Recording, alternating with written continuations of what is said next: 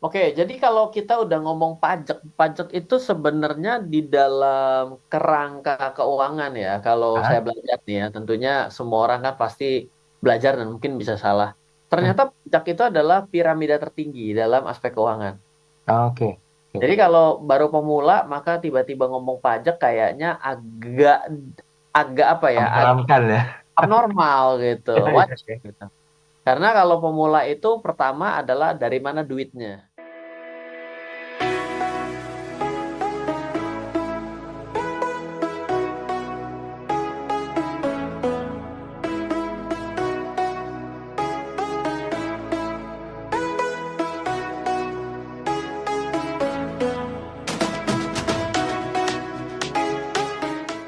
Selamat malam Mas Daryl, selamat malam kepada seluruh smart listeners yang ada di 10 kota besar di Indonesia. Apa kabarnya? Sehat pastinya. Oke, Nah. ini sudah beraktivitas eh, seperti biasa Mas Ryan?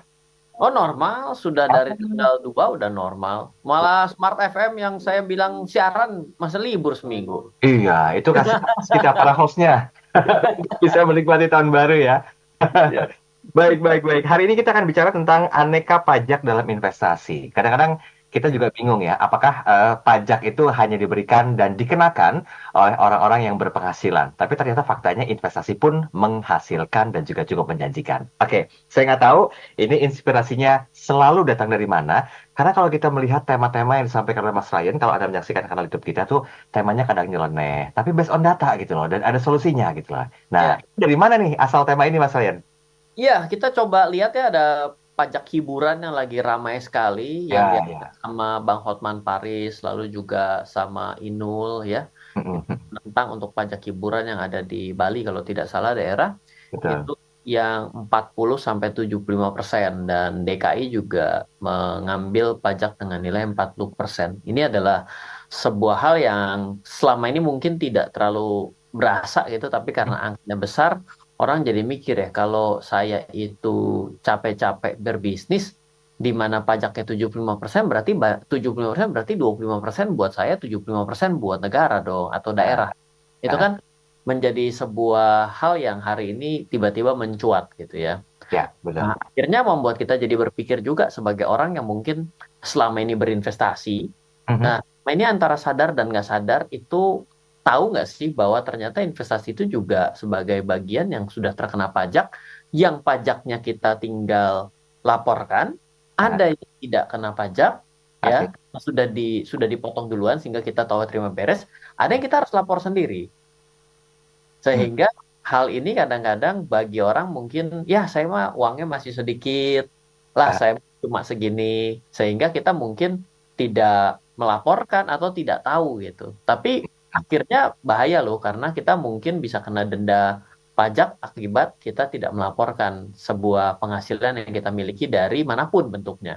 Maka ya malam hari ini kayaknya seingat saya sih belum pernah ini jadi satu tema. Jadi mumpung lagi rame pajak, mari kita coba akan breakdown ternyata investasi itu banyak pajaknya. Tunggu, tunggu. Ini kalau dibilang angin segar juga enggak ya. Dibilang tantangan juga iya. Dibilang barrier juga masuk kategorinya. Prosentasenya di antara ketiga yang saya sebutkan tadi lebih besar ke mana kira-kira Mas Ryan? Ya, sebenarnya pajak itu harusnya ya konsep dasar yang saya belajar karena sempat Ah. belajar juga em, ketika saya kuliah juga sama. Sebenarnya kan apa yang kita bayarkan kepada negara itu kan akan akan kembali lagi ke kita Ya. secara tidak langsung Mhm. ya. Misal kita bayar pajak ya, pajak daerah, lalu juga pajak untuk pusat dan lain sebagainya. Sebenarnya kan akan kembali ke dalam layanan pemerintah kita ya untuk aparatur sipil negara dan semuanya itu kan akan kembali melayani kita. Ya. Ya secara nggak langsung kan kita sebenarnya teori dasarnya membuat kita sadar bahwa yang namanya negara ini ya perlu kita urunan juga agar bisa sama-sama tetap berjalan. Mhm. Cuma kadang-kadang ada beberapa selentingan-selentingan dan juga kekesalan kita ketika ada oknum-oknum yang akhirnya mungkin melakukan tindakan korupsi sehingga kita dibilang gue udah capek-capek bayar dan terkorupsi juga. Ya. malah dipakai dengan cara yang salah saya yang capek kok dia yang ngerasain? Nggak lah kalau gitu saya nggak mau bayar pajak lah. Nah ini juga menjadi satu hal yang bumerang juga dari dua belah pihak sebenarnya. Oke, baik-baik. Mas, sedikit sebelum kita break, kalau melihat dari data, eh, sorry, angka prosentase yang begitu besar ya, khususnya untuk pajak hiburan, eh, correct if I'm wrong, apakah uh, punya satu bisnis hiburan itu juga bagian dari sebuah investasi kan kita nggak tahu ya. Tapi oh. ini make sense nggak kira-kira mas dengan dengan uh, pemberitaan yang sekarang lagi marak ini di di media?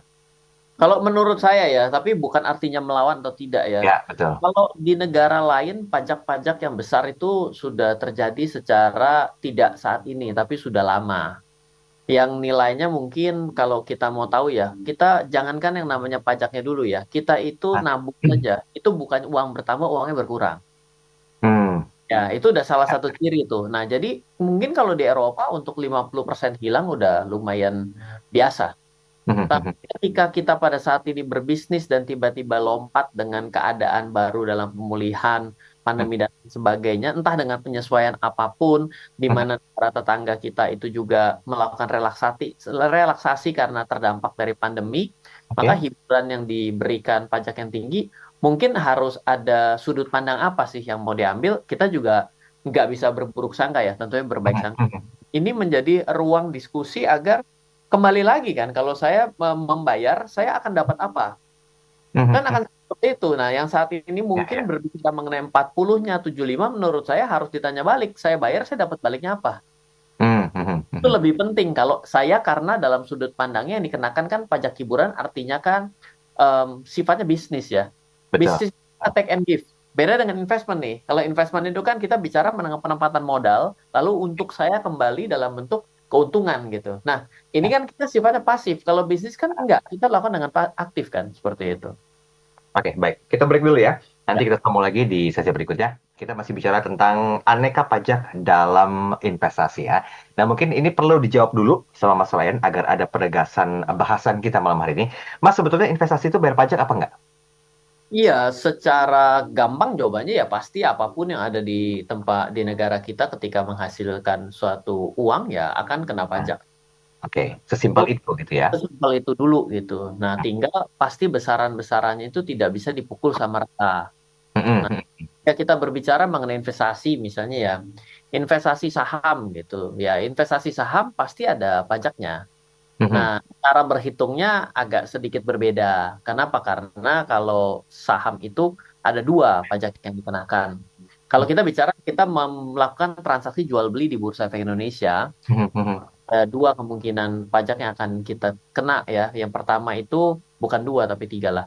Karena pertama kali kita beli kita beli sahamnya, kita akan kena PPN. Ya, betul. Nah, ketika kita jual sahamnya, kita akan kena pajak itu sebagai nilainya 0,1 persen. Mm -hmm. Jadi tidak di tidak dihitung untung atau rugi, tapi tetap kena. Jadi dalam keadaan kita beli, walaupun kita beli dan kita jual setelah itu dalam keadaan rugi, kita beli 1000 dijual 500, ya. tetap dari 500 itu akan kena 0,1 persen. Mm-hmm. Nilai berapapun besarnya, itu tidak akan ada yang namanya progresif pertambahan dari nilai persentasenya. Ah, oke, okay, oke. Okay. Itu pajak penghasilan yang pertama, sifatnya final. Jadi kita tidak akan terkena progresif. Nah, hmm. selanjutnya adalah kalau kita um, mendapatkan dividen. Ah, Oke. Okay. Dividen juga akan dikenakan pajak 10% seperti itu. Ya, ya. ya. Lalu kalau kita bicara lagi itu sudah ya. Jadi dividen adalah pajak ketika kita dibagikan keuntungannya dari uh, kinerja perusahaan, perusahaannya membagikan keuntungan kepada kita setiap lembar saham maka kita akan mendapatkan pembagiannya dalam bentuk rupiah lalu kita akan dikenakan pajak seperti itu. Nanti kalau kita bicara lagi, kalau sudah seperti itu mungkin yang lagi ngetren hari ini kripto. Kripto agak mirip caranya dengan saham. Selama kita melakukan transaksi di uh, pedagang aset kripto terdaftar dan diawasi Bapepti sampai dengan hari ini, uh-huh. maka waktu beli kena PPN, waktu jual dia akan dikenakan PPH. Oke. Okay. Uh-huh. Dan juga sama. Jadi mau untung mau rugi nggak peduli akan tetap kena lagi nilainya adalah 0,1 persen. Okay kan bilang enggak fair nih perhitungan seperti ini. Kenapa? Hmm. Karena kalau saya beli saya beli dan saya jual dalam keadaan rugi, masa hmm. saya kena yang namanya PPH juga. Berarti kan kayak orang udah jatuh ketimpa ketimpa tangga pula. Yes, yes, yes. Ya, satu sisi dengan sudut pandang itu nggak salah. Tapi hmm. kita balik nih, kalau ternyata kita beli lalu kita jual naiknya 10.000 kali ya 10.000 kali lipat, -hmm. tetap saja akan jauh lebih murah kalau kita terkena yang namanya pajak penghasilan progresif PPH. PPH pribadi ini kita isi SPT itu ada progresif gitu. Nilai di atas 50 juta dia akan terkena persentase yang berbeda. Sampai dengan sekian dia akan kena persentase yang berbeda dan itu akan jauh lebih besar. Uh, uniknya kalau final itu nggak bisa pilih, tapi sebenarnya kita bisa memilih bagaimana kita dikenakan pajak di sini. Jadi karena tadi yang sudah sama ya, yaitu seperti saham, seperti kripto itu konsepnya sama. Lalu ada juga mungkin reksadana. Hmm, nah, ya. dana itu kita tidak terkena lagi pajaknya karena di dalam perhitungan atas nilai daripada reksadana tersebut yang disebut nilai aktiva bersih itu sudah beres, tidak lagi ada kena pajak karena di sana sudah dihitung. Okay. Sehingga kita cuma tinggal punya nggak punya udah selesai. Kita masukkan ke hmm. Kolom harta seperti itu. Batasannya itu ya punya dan nggak punya itu akan aman ya. Eh, beres, jadi kita lapor. Ya. Nah, jadi kalau misalnya kita punya reksadana dan kita nggak lapor, Hah? itu salah juga. Ah, walaupun nggak kena pajak ya. Iya, jadi kalau kita punya ya, saham, kalau nggak itu sudah beres, tidak lagi ada kena pajak karena di sana sudah dihitung. Kayaknya ke aku ya. Oke, okay. ini suaranya berbalik ya?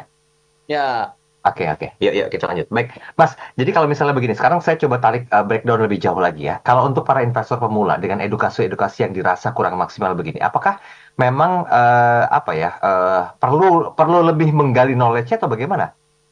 Oke, jadi kalau kita udah ngomong pajak, pajak itu sebenarnya di dalam kerangka keuangan ya. Kalau Hah? saya belajar nih ya, tentunya semua orang kan pasti belajar dan mungkin bisa salah. Ternyata pajak itu adalah piramida tertinggi dalam aspek keuangan. Ah, oke. Okay. Jadi kalau baru pemula, maka tiba-tiba ngomong pajak kayaknya agak agak apa ya? Agak ya. Abnormal gitu. Wajib gitu.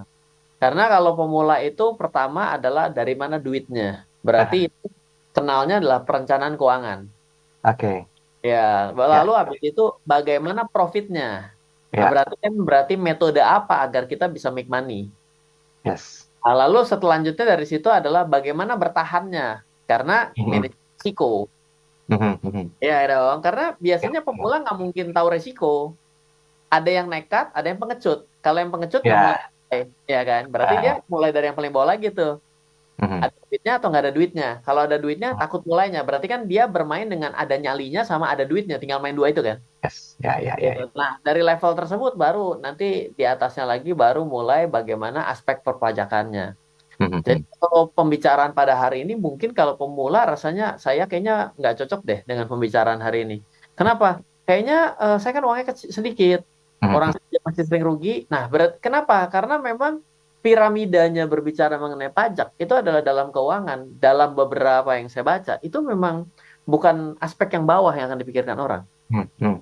Jadi kalau ada Anda smart listener sudah mulai sadar pada aspek perpajakan adalah poin yang penting dan krusial, maka hmm. selama sudah sebenarnya pada piramida keuangan yang cukup baik seperti itu. Oke, baik. Mas, ini ada beberapa komentar yang masuk. Saya coba oh bahas ini piramida keuangannya di atas semua nih berarti ini. mudah-mudahan sih ya, mudah-mudahan sih ya. Ini ada Bapak atau Ibu, oh Pak Pak Hadi namanya Hadi. Pak Hadi menanyakan begini katanya, e, Mas Rian, kalau bicara masalah pajak, saya sih tidak keberatan membayarnya, asal memang sesuai dengan porsi yang ditetapkan dan ada persetujuan dari instansi terkait, seperti misalnya dinas perpajakan atau dijen pajak. Nah, bagaimana caranya mengedukasi secara keseluruhan agar setiap pemberitaan yang ada itu tidak menimbulkan shock culture untuk Oh, untuk para investor di Indonesia ini sendiri. Iya betul, kalau saya sih setuju ya. Kalau dibilang saya tidak mau bayar pajak, sudah pasti kan kita melawan melawan undang-undang. Iya, betul, betul. Ini udah repot tuh ya. Berarti udah bagus uh, awareness yang pertama gitu. Nah, kalau berbicara mengenai pengumuman inilah, makanya apa ya? Saya bilang inilah buah si malakamanya gitu. Ketika yeah dibuat dengan pemberitaan yang sifatnya benar, mm-hmm. orang nggak aware. Orang lebih suka yang hype, yang heboh, yang akhirnya orang salah paham ngelihat judulnya aja. Uh, uh. Kan baca judulnya sok ngerti isinya. Lah udah, inilah yang akhirnya dipelintir ke mana-mana. Nah inilah masalahnya. Mm-hmm. Kalau nggak menarik, orang nggak lihat. Nah, yang menarik kadang-kadang caranya memang secara, mohon maaf nih ya, mm-hmm. secara penulisan atau jurnalisnya mungkin yang perlu dibenahi. Tapi buah si malakamanya kalau dibikin dengan benar nggak dibaca. Nah, ini kan jadi bingung ya. Ayo. Jadi gini, ya, idealnya bentuk sosialisasi awal sebelum adanya pemberitaan yang tayang di media tuh kayak gimana idealnya?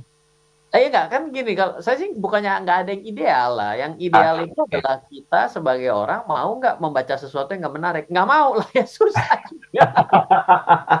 Jadi kan masalahnya di sosialisasi awal aja nih Mas Ryan kan? Bukan juga karena Bukan nature juga. Kita manusia itu dia lebih apa ya mencari sesuatu yang kayaknya ya harus kelihatan unik, harus kelihatan unggul, beda sendiri. Begini, ya, itu ah, itulah aspek yang dimainkan sehingga akhirnya ya itu seperti eh, artis ya mohon maaf nih artis tiba-tiba udah kurang tenar Lah, Mm. bikinlah dengan cara cerai lah dengan cara inilah itulah oh diliput lagi diundang ke mana-mana lah ya kan berarti kan heboh dan kefantastisan inilah yang dicari dicari oleh publik gitu kan Oke, oke. Nah, makanya kenapa jadi shock culture adalah kita tiba-tiba terima sepotong yang kalau misalnya kita baca dengan sendirinya oh nggak seperti itu. Nah, kita gampang Hmm. ya pertama adalah eh, jangan panikan, yang kedua adalah memang pada akhirnya lebih baik mencari sesuatu yang sifatnya netral. Oke, itu. oke. Karena kan ada beberapa media yang memang sengaja kan untuk membuat sesuatu kelihatannya clickbait sekali kan. Ya, ya. Nah, bagi sebagian orang clickbait itu justru malah diartikan ya malah cuma sepotong itu. Nah, itu kan jadi masalah gitu. Aha, oke. Karena memang ya kita lihat sendiri kan di di media sendiri dengan adanya eh, fakta bahwa pajak hiburan itu starting dari 40 sampai dengan 70% kan cukup membuat shock ya. Bahkan beberapa nama besar pun ikut eh, meluang meluapkan apa ya? eh, bukan emosi sebenarnya statement mereka gitu. Jadi saya berpikir gini, apakah ini sosialisasinya yang dirasa kurang sehingga kok kayak shock culture banget gitu loh sehingga ya banyak memicu respon-respon positif atau negatif dari orang-orang lain Mas Ryan. Ya, saya juga boleh berpikir dengan sudut pandang yang lain atau jangan-jangan pemerintah test the water diterima nggak nih? Kalau ternyata diterima, Nah, lanjut nggak diterima, oke mari kita ngomong kita nggak tahu skenario mungkin nggak kira-kira hal itu terjadi? susah banget. Emang berani terbiasa jawab. dengan pertanyaan susah kalau ketemu ketemu di program ini. Kayak gimana? Paretanya aja deh, paretanya aja gimana kira-kira? Mungkin nggak? Ya mungkin. Mungkin. Oke. Mungkin, karena gini aja ya, saya cerita dengan bukan ini, bukan study case yang pajak ini ya. Jadi ada sebuah sebuah ini ya, eh, produsen telepon selular zaman dulu ya, gitu ya. Itu dia itu tidak pernah tidak pernah mempersiapkan research and development di Indonesia. Oke. Dia sengaja eh, selalu eh, meluncing series terbarunya itu selalu Indonesia yang dipakai. Kenapa? Karena orang Indonesia tuh suka keunggulan, hal yang berbeda, ngetren ini itu kelihatan paling oke gitu itu ya dijadi dia bilang kenapa saya nggak punya research and development karena saya biarkan saja dia beli sudah beli dia yang komplain kita yang service sehingga kita tidak membutuhkan trial dan error Ya, ya ya. itu bisa kita imajinasikan bahwa ini kan perusahaan gitu ya Ya, kalau ini konsepnya bagus juga nih kayak gini lah iya ini jangan Ya, ya. itu juga kadang-kadang ya tapi Ada keluar dari mulut soalnya. customer service-nya siap-siap aja itu ditabokin kan Ya, jadi Iya, iya. Oke. Ya. Tapi ya susah jawabannya gitu. Kalau dua sisi kita kita lihat kita nggak pernah tahu dengan baik, makanya nggak bisa terlalu spontan dalam mengambil keputusan. Itu sebenarnya menurut saya paling penting. Ada sisi bijaknya juga ya dari ya, kejadian ini ya. Oke. Kita Ya. bijak lagi sesi ketiga. Boleh Ryan. Nanti kita ketemu lagi sesi ketiga ya. Komen susah-susah. Susah. Enggak lah, enggak ada skripnya kok. Running aja. Kita break sebentar nanti kita sambung lagi di sesi berikutnya. Tetap bersama kami. Yang sempat disinggung oleh, oleh Mas Ryan di sesi kedua, itu yang perlu dicermati. Baik, Mas, kita ke WhatsApp dulu ya, Mas ya. Ini sudah ada, sebentar tadi ada Mas Ivan. Ya. Mas Ryan dan juga Mas Daril. Seru bahasanya tentang pajak. Terima kasih. Ini bagian dari knowledge yang harus uh, diekspos sebetulnya agar semua pemberitaan itu tidak menimbulkan pemberitaan yang sifatnya mengagetkan dan juga bersifat sementara. Saya setuju nih dengan statementnya Mas Ryan tadi yang mengatakan apakah ini test the water yang kalau oke dilanjutkan dan kalau tidak diberhentikan. So, apa respon yang harus dilakukan para investor atau para pemilik bisnis dengan kejadian-kejadian yang belakangan ini cukup marak di pemberitaan? Ya, saya rasa eh, bagus ya kalau saya lihat beberapa juga saya kebetulan, kebetulan punya teman-teman pebisnis juga di Bali gitu. Em, ya, dia meng- mengambil satu langkah untuk melakukan melapor lah secara kelompok, memberikan uh, aspirasinya gitu. Karena um, yang namanya keuntungan itu sebenarnya kan mereka sudah sudah miliki lah gitu dan mungkin berdasarkan data tersebut sehingga dilihat kayaknya ada ruang yang masih bisa diambil. Yeah. Kalau nilai tersebut ternyata memang dipertimbangkan based on data. Okay. Ya, tapi bisa juga dengan cara based on data dikali sekian saya juga nggak tahu gitu. Ini kalau kita bicara mengenai pajak lah gitu ya. ya, ya. Nah memang pada akhirnya penting sekali konsep yang namanya tax planning juga gitu. Jadi uh, mungkin para pebisnis sebenarnya itu banyak yang uh, selalu mencoba untuk uh, menggunakan konsultan pajak sehingga ah. dia tidak mengetahui dengan baik bagaimana setup setup melaporkan pajak yang baik dan benar sehingga itu juga membuat kepanikan juga sebenarnya kan ketidaktahuan kan adalah sumber kepanikan nih nah mm-hmm. kalau yang memang saat ini belum pernah sama sekali mengkalkulasi perpajakannya sendiri menurut saya sebagai seorang pebisnis ini harus bisa melihat aspek perpajakan yang dikenakan apa gitu loh mm-hmm karena kan sebenarnya kita bisa memilih sebenarnya bagaimana caranya uh, pajak daripada yang kita dikenakan itu dilaporkan. Oke. Okay.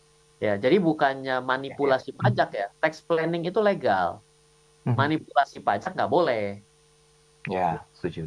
Jadi ini penting nih. Jadi di bagian ini, ini kalau udah mengarah ke pebisnis ya. Tapi kalau mhm. kita bicara sebagai seorang investor tuh, mungkin saya lanjutkan sedikit ya. Kan hmm instrumen to instrumen tadi juga ada deposito ya kena PPh 20%, lalu juga kalau misalnya kita obligasi negara, surat utang berharga negara SBN itu kita kena 10%.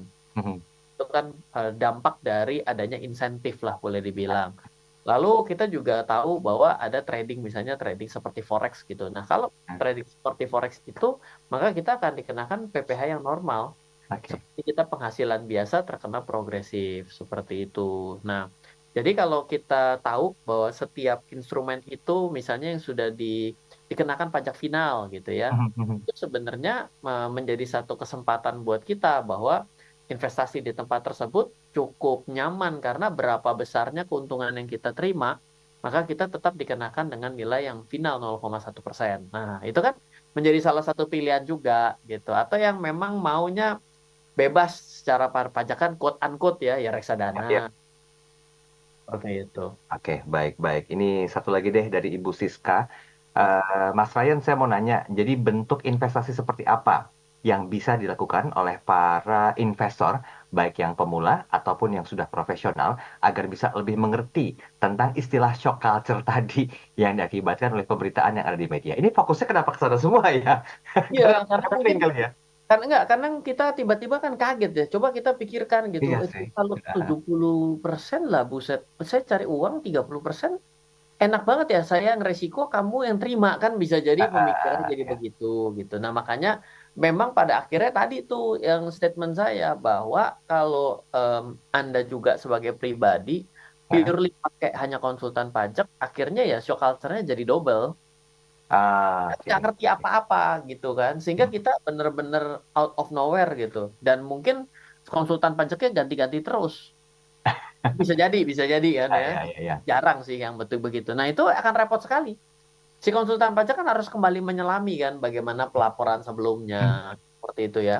Nah itu akhirnya akan menyebabkan kepanikan buat kita. Nah kembali tadi untuk berbicaranya pajak ya ya.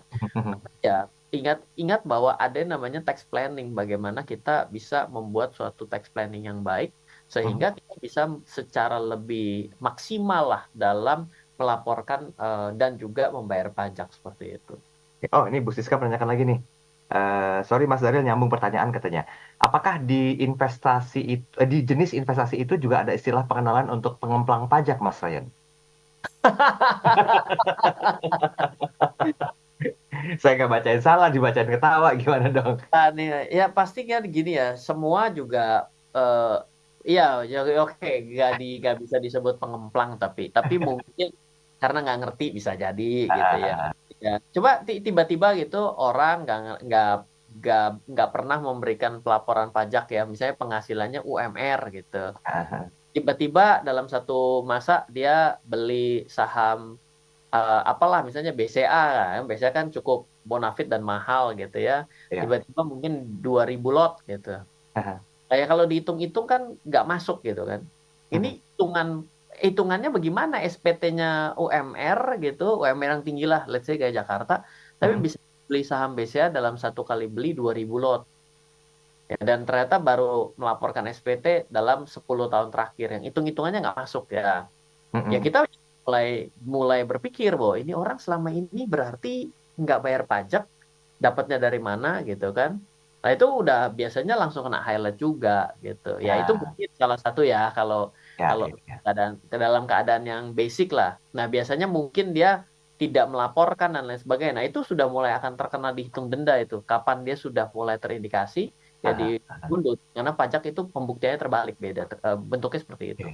Jadi singkatnya mungkin ini pesan moral yang perlu disampaikan oleh para insan di Indonesia juga ya agar eh, taat pajak dan berkenan memberikan laporan SPT mungkin Mas Ren ya. Ya, jadi kalau andaikan kita sudah dipotong oleh perusahaan kita pun, kita bukan artinya tidak melapor SPT loh. Yes. Ya, Betul. jadi ini, ini kenapa tiba-tiba saya ini seperti mau bulan Maret mau suruh lapor. Kan udah dekat nih, bentar lagi Iya, nih, iya. dua bulan lagi kan. Ya, jadi memang kita walaupun sudah dipotong dan pajaknya Mhm. sudah dibayarkan gitu, kita sudah diberikan slipnya, kita tetap harus melaporkan lagi. Hmm. Karena kan yang dilaporkan penghasilan, harta kita belum dilaporkan. Ya. Hutang-hutang kita belum dilaporkan. Mungkin ada penghasilan yang lain. Nah, kalau kita sudah dibayarkan pajaknya oleh perusahaan, lalu punya penghasilan sampingan, Mhm. dan ternyata penghasilan sampingan itu juga terkena pajak, maka bisa jadi perhitungannya jadi kurang bayar. Loh, Oke. jangan salah nih.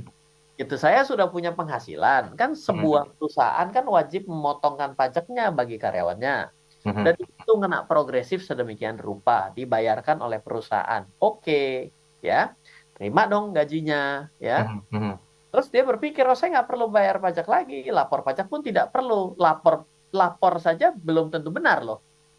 Kalau ternyata dia ada usaha sampingan, oh ngambil Ya, fre- freelance freelance, di mana freelance tersebut kena penghasilannya sebagai jasa, potong 2% tuh, ya. Mhm. Nah, laporin NPWP.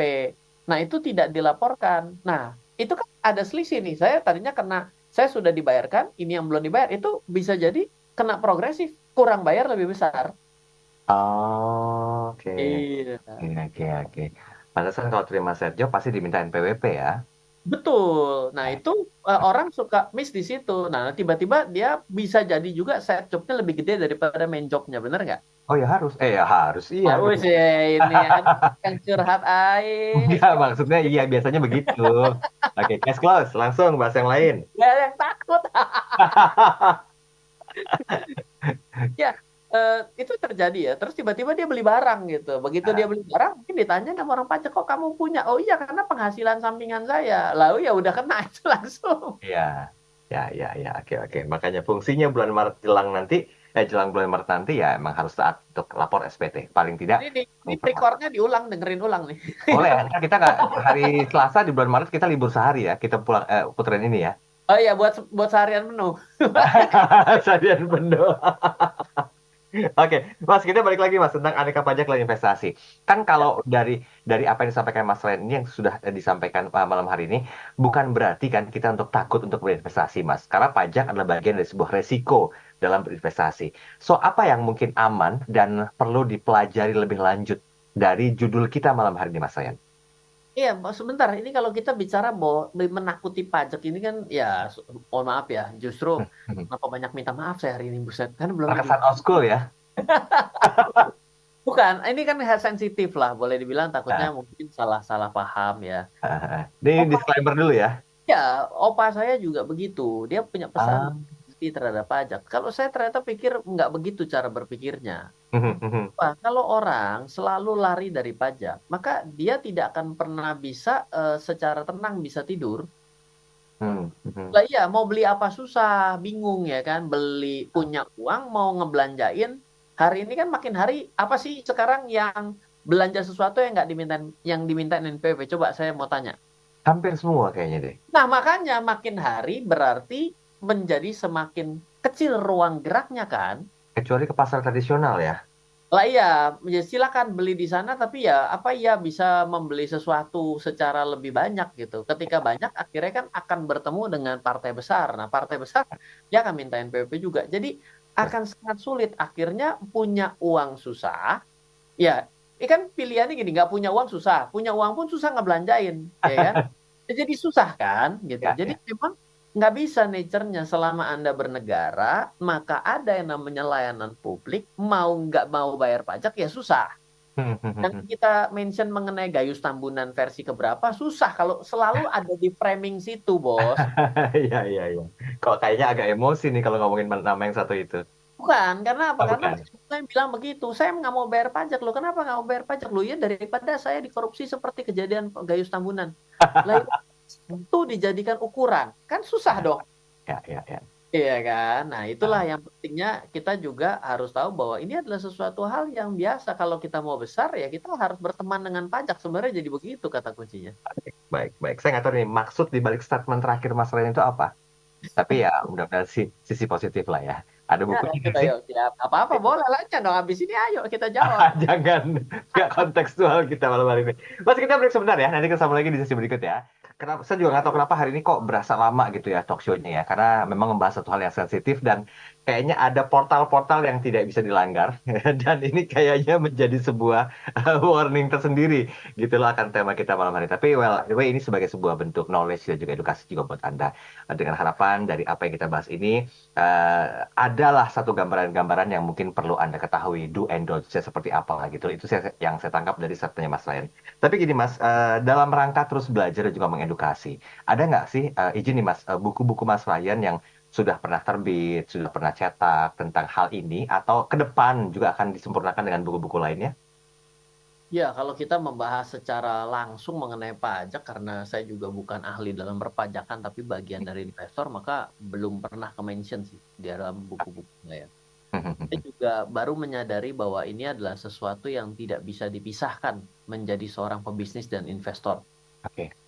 Ya, jadi memang uh, seperti yang saya bilang, anggaplah saya juga berada di piramida yang baru saja memahami poin ini, gitu. Toh kita kan juga mungkin harus sadar bahwa hidup kita ini berkembang. Ketika kita ngerasa bahwa hidup kita ini sudah cukup baik, sebenarnya kita memburuk lah seperti itu. Nah, Oke. jadi makanya saya juga me- menyadari betul bahwa hal-hal seperti ini itu kita memang harus uh, belajar dengan baik dan Hmm. pada akhirnya kita bisa memaksimalkan dan quote unquote bukan tadi ya, saya mau coba mengelaborate ya bahwa Hmm. memanfaatkan aspek perpajakan ini dengan baik lah. Jadi kita berteman tuh artinya adalah kita tahu bahwa ini adalah suatu kewajiban kita.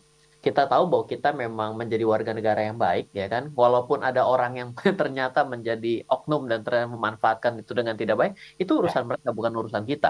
Sehingga seperti itu. Nah, selanjutnya adalah konsepnya yang tadi saya pengen cerita ya. Ini juga bagian dari edukasi yang mohon maaf saya belum punya bukunya. Mari kita belajar sama-sama.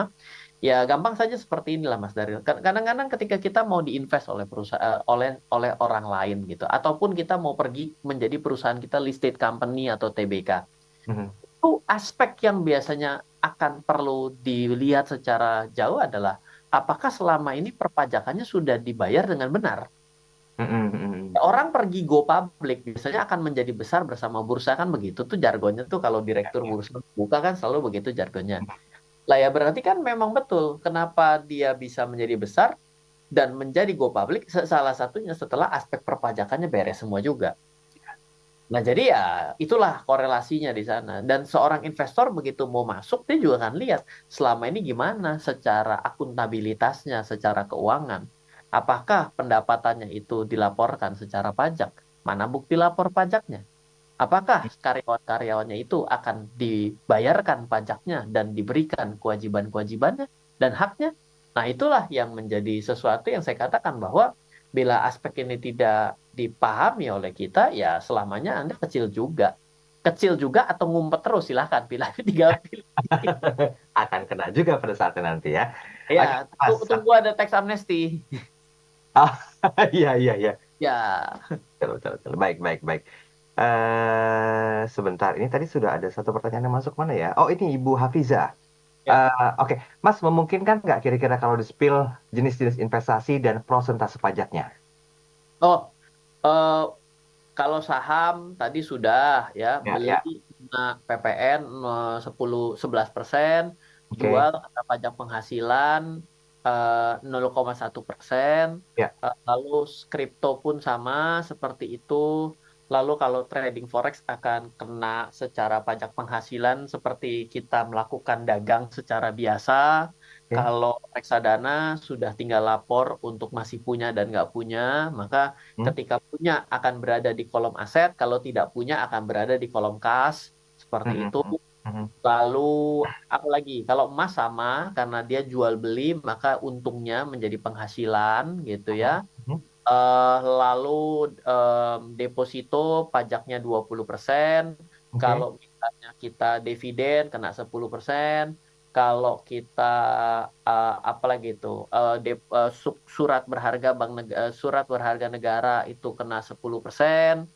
Lalu kalau kita trading di luar negeri itu kena transaksi di luar 20% juga eh, Ya. dari keuntungan yang kita dapatkan seperti itu. Mhm, Apa mhm, mhm. sudah kali? Oke, ya itu berarti ya.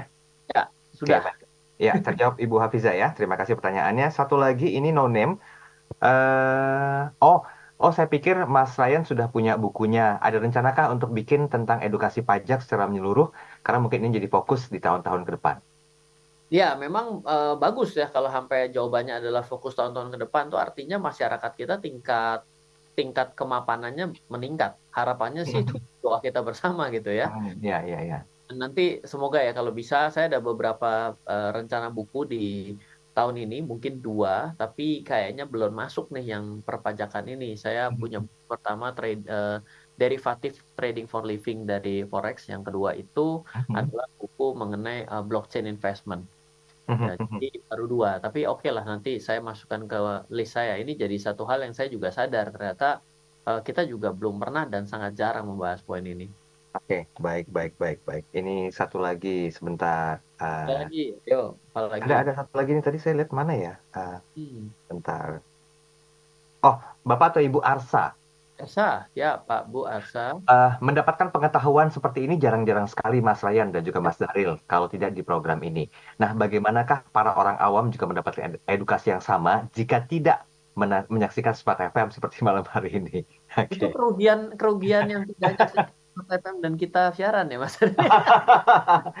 Narsis sedikit boleh ya, jelek harus ngomong, ganteng masih pede ya. Ya, eh, iya saya mau kembali bilang bahwa pajak itu adalah quote unquote anak tiri. Masalahnya itu, tapi ketika kita Ah. kan salah tidak melaporkan pajak, kita ternyata kurang.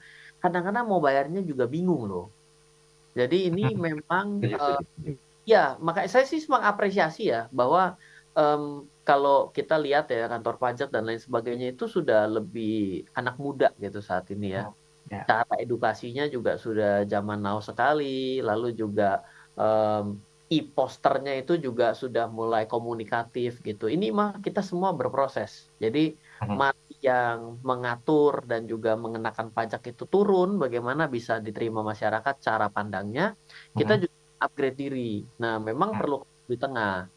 Dan memang ya saya bilang bahwa kalau pada nanti Anda bertemu dengan orang yang baru sampai dengan how to getting profit, ya jangan harap ngerti how to pay the tax. Itu udah pasti. Karena memang belum sampai pada poin itu. Ini bukan sekali lagi merendahkan loh ya, tapi saya sadar betul. Saya kan tadi ngaku gitu. Dari beberapa tahun terakhir ini saya meng- banyak lumayan banyak me- meres- me- membenahi lah perpa- aspek perpajakan gitu. Jadi Oke. saya sendiri pun dalam ya kan pandemi saja sudah 3 4 tahun ya.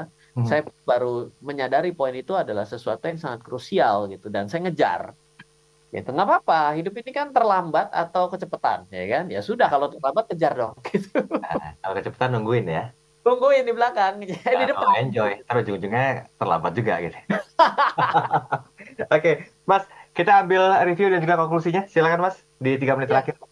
Ya memang pada akhirnya kalau terlalu kita begini be- begitu mendengar mungkin ada yang bilang ah ini sih kayak saya belum waktunya lah mikirin hal ini ah inilah eh, merepotkan kan nggak juga loh nggak usah repot kenapa kripto saham yang namanya eh, deposito semua itu kan sudah dipotong Hmm. Sehingga cuma tinggal lapor, ya kan? Nggak hitung sendiri, kecuali yang trading forex lah oke, okay. yang trading dari luar negeri oke. Okay. Tapi kan instrumen-instrumen ini sudah diatur sedemikian rupa untuk hanya tinggal lapor. Kalau yes. nggak mau hitung dulu nggak apa-apa deh, yang penting lapor dulu kan nggak salah juga ya. Itu jadi mulailah ketika kita abai itu salah, jadi harus tahu. Toh sekarang ini kan yang tahun 2024 nih, Ya. Tahun 2023 di sekuritas Anda, di pedagang aset kripto Anda harusnya sudah boleh dipencet. Itu hmm. sudah itu bisa dipencet. Oh iya kalau ke si ini apa um, peer to peer lending itu juga kena loh. Hmm. Melapor memberikan NPWP dua setengah persen. Oh. Dari pendapatan bunga yang diterima Anda meminjamkan ke orang kan terima pendapatan bunga tuh itu dua setengah persen. Gitu. Itu juga tinggal ditarik dari oh, itu enggak sih enggak enggak final sih. Jadi itu mesti dihitung kembali dengan aspek perpajakan Anda gitu. Tapi kan sudah dibantu sedemikian rupa. Yes. Jadi jangan abai nanti kalau sudah terlalu jauh bingung gimana cara belajarnya. Mumpung yeah. hari ini mungkin dengar pajak itu ya memang sesuatu yang kalau pebisnis besar kayak Bang Hotman yang lain pasti berasa sekali itu karena yeah. menjadi salah satu yang akan pasti akan di garda terdepan kan nggak lapor disikat lapor yeah. kesel karena potongannya gede kan gitu kan lah yeah. ya jadi jangan sampai begitu karena kalau udah sampai satu titik kita tidak paham ya akhirnya kita juga nggak satu titik itu berhenti dan tidak akan pernah bisa besar dengan tidak bisa berteman loh ya dalam arti kata berteman itu karena paham dengan aspek perpajak sendiri Oke, semoga ini bermanfaat ya buat uh, kita semuanya agar lebih mengerti tentang esensi pajak sekaligus mungkin menjadi sebuah pembelajaran tentang pentingnya uh, melakukan pembayaran pajak. Mas Aryan, thank you ya malam hari ini ya. Sama-sama. Dan video ini kami simpan rapi di kanal YouTube Spot FM. Jadi buat Anda yang ingin belajar, pengen tahu lebih jauh tentang bagaimanakah sebetulnya uh, aneka pajak dalam investasi. Karena memang tadi Mas Ryan juga kembali saya tekankan, saya minta karena sediaan, benar nggak sih kalau investasi itu juga bayar pajak? Jawabannya adalah iya. Nah, apakah instrumen-instrumennya? Nanti sempat di-spill oleh Mas Ryan. Silakan putar ulang tayangan ini. Kalau Anda mau share, juga boleh bisa lebih bermanfaat. Jangan lupa kita ketemu lagi uh, Selasa pekan depan dengan tema dan bahasa yang berbeda. Saya dari Adap. Selamat malam, sampai jumpa.